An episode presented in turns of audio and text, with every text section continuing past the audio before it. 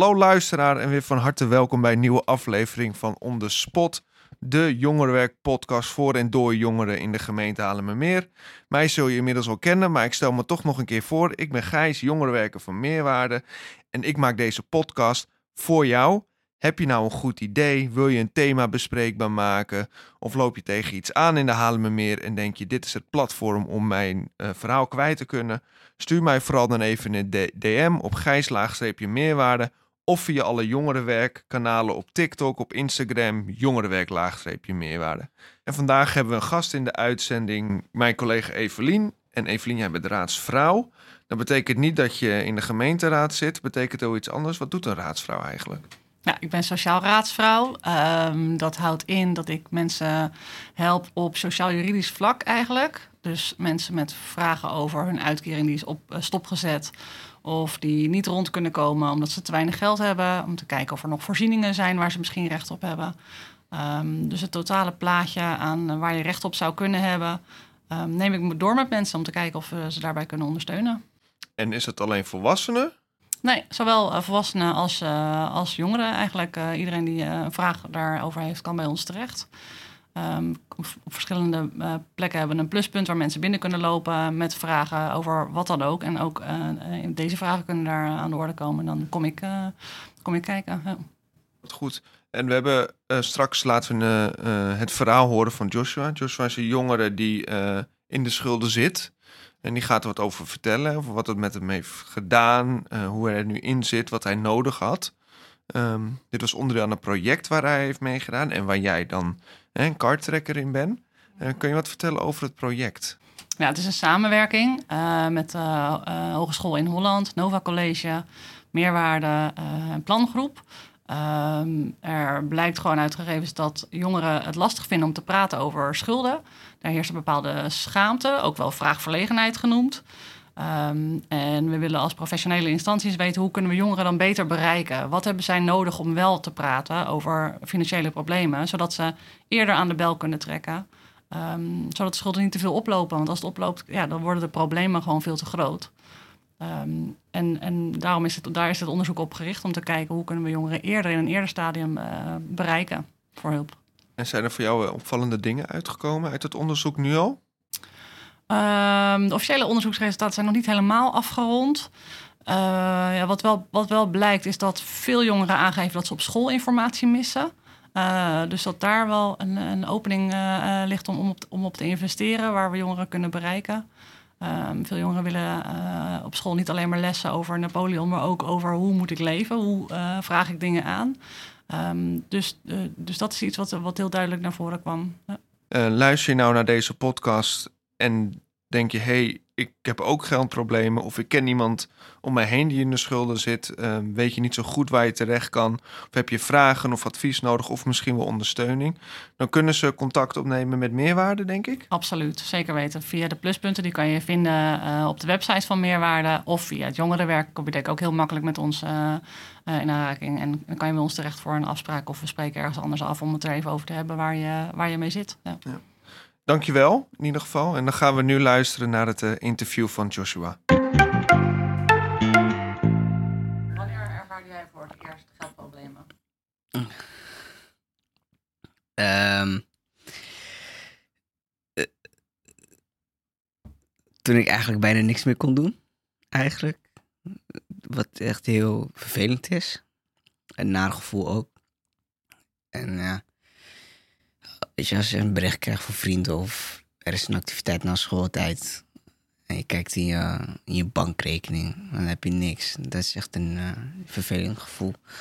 Je wilt heel graag mee, maar van tevoren ben je niet echt heel slim omgaan met je geld. Dus daarom is het wel echt belangrijk dat je twee keer nadenkt voordat je het uitgeeft eigenlijk. Wat voor gevoel gaf het jou? Um, best wel een vervelend gevoel. Heel vervelend gevoel. Uh, ook niet leuk. Je, je ligt er zelf ook wakker van. Je wordt er ook onzeker van. Want dan kijk je ook heel onbewust ook naar andere jongeren. Die wel thuis wonen bijvoorbeeld. Of die wel een zak geld krijgen. Dus dan ga je een soort van jezelf vergelijken met andere mensen. En dat is ook heel slecht. Je moet het ook natuurlijk ook heel pos- positief bekijken. Want niet alles wat negatief is, is negatief. Misschien is het de levensles voor jou om voor de volgende keer te leren hoe je met je geld moet omgaan. Dus dat eigenlijk een beetje. Ehm, wat had jij op het moment dat je geldproblemen had het meest nodig? Eh, hulp. Hulp, dat had ik echt het meest nodig. En ik denk dat, het, dat eh, heel veel jongeren dat ook gewoon moeten doen. Je moet je echt niet voor schamen. Niemand is perfect. Weet je, eh, trek gewoon aan de bel. En dat gaat je ook gewoon het meest helpen. In plaats dat je stilstaat en het verhaal voor jezelf, eh, voor jezelf gaat houden. Gewoon lekker praten. En weet tegen wie je het hebt. Dat is ook heel belangrijk. En vooral de hulpverleners eh, om zoveel mogelijk advies te vragen van hé, hoe kan ik volgende keer beter omgaan met het geld, met mijn geld. Ik denk dat het ook heel belangrijk is. Personen die jou het meest geholpen hebben? Ehm, mensen die, toch bij, die ik bijna dagelijks spreek. Eh, zoals ik al eerder zei, een goede vriendin van mij. Zie ik eigenlijk als een zus van mij, die heeft me ook eigenlijk hier naartoe verwezen. Om echt hulp aan te vragen. Van, doe het, want anders schiet het ook niet op. Over twee jaar sta je weer op dezelfde positie. Snap je? Dus zij eigenlijk, eh nou ben ik ook heel erg dankbaar. Is dat? Wat zou je andere jonge, jongeren mee willen geven die in dezelfde geldzorgen zitten? Trek aan de bel. Heel belangrijk. Acties ondernemen. Op zoek gaan naar een oplossing. Als je dat niet gaat doen, ja, dan, ga je, dan kom je alleen nog meer in de problemen. En niemand is perfect. Weet je, eh, gewoon je verhaal vertellen gewoon. Simpel, zo simpel is het eigenlijk. En ik kan me wel voorstellen dat sommige jongeren zich daarvoor schamen. Omdat ze denken van... Oh, oké, als ik hulp ga vragen bij die en die... of als ik dit ga zeggen, dit en dat... Ja, dan ben ik niet meer... Hoe noem je dat ook weer? Cool of zo? Toch?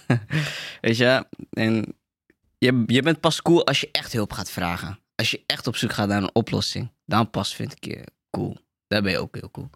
Weet je, dus dan weet je ook hoe je problemen gaat opruimen. Wat zou je ehm, hulpverleners, professionals, wat zou je die als tip mee willen geven?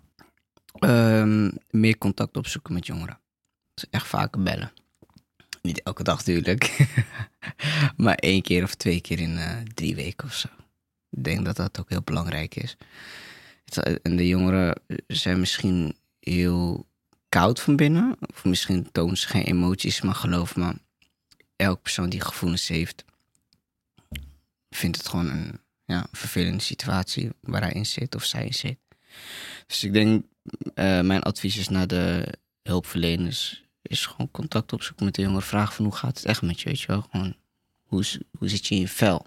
Hoe voel je je? Hoe, hoe denk je dat wij jou kunnen helpen? Gewoon fysiek of mentaal, of, weet je wel? Dus ja, dat eigenlijk een beetje. Als jij morgen wakker wordt als minister-president, wat zou je dan als eerste veranderen? Ehm sowieso mijn inkomen. Alle schulden afbetalen. Ik denk dat dat heel belangrijk is. En eh ja, ervoor zorgen dat ik eh, ervan heb geleerd eigenlijk. En ook gewoon financieel onafhankelijk zijn. Dus eh, ja. en voor eh, het systeem zeg maar, in Nederland, zou je daar nog wat in willen veranderen? Systeem in Nederland. Eh, ik denk dat ze eh, studenten even maandelijks 10k moeten storten.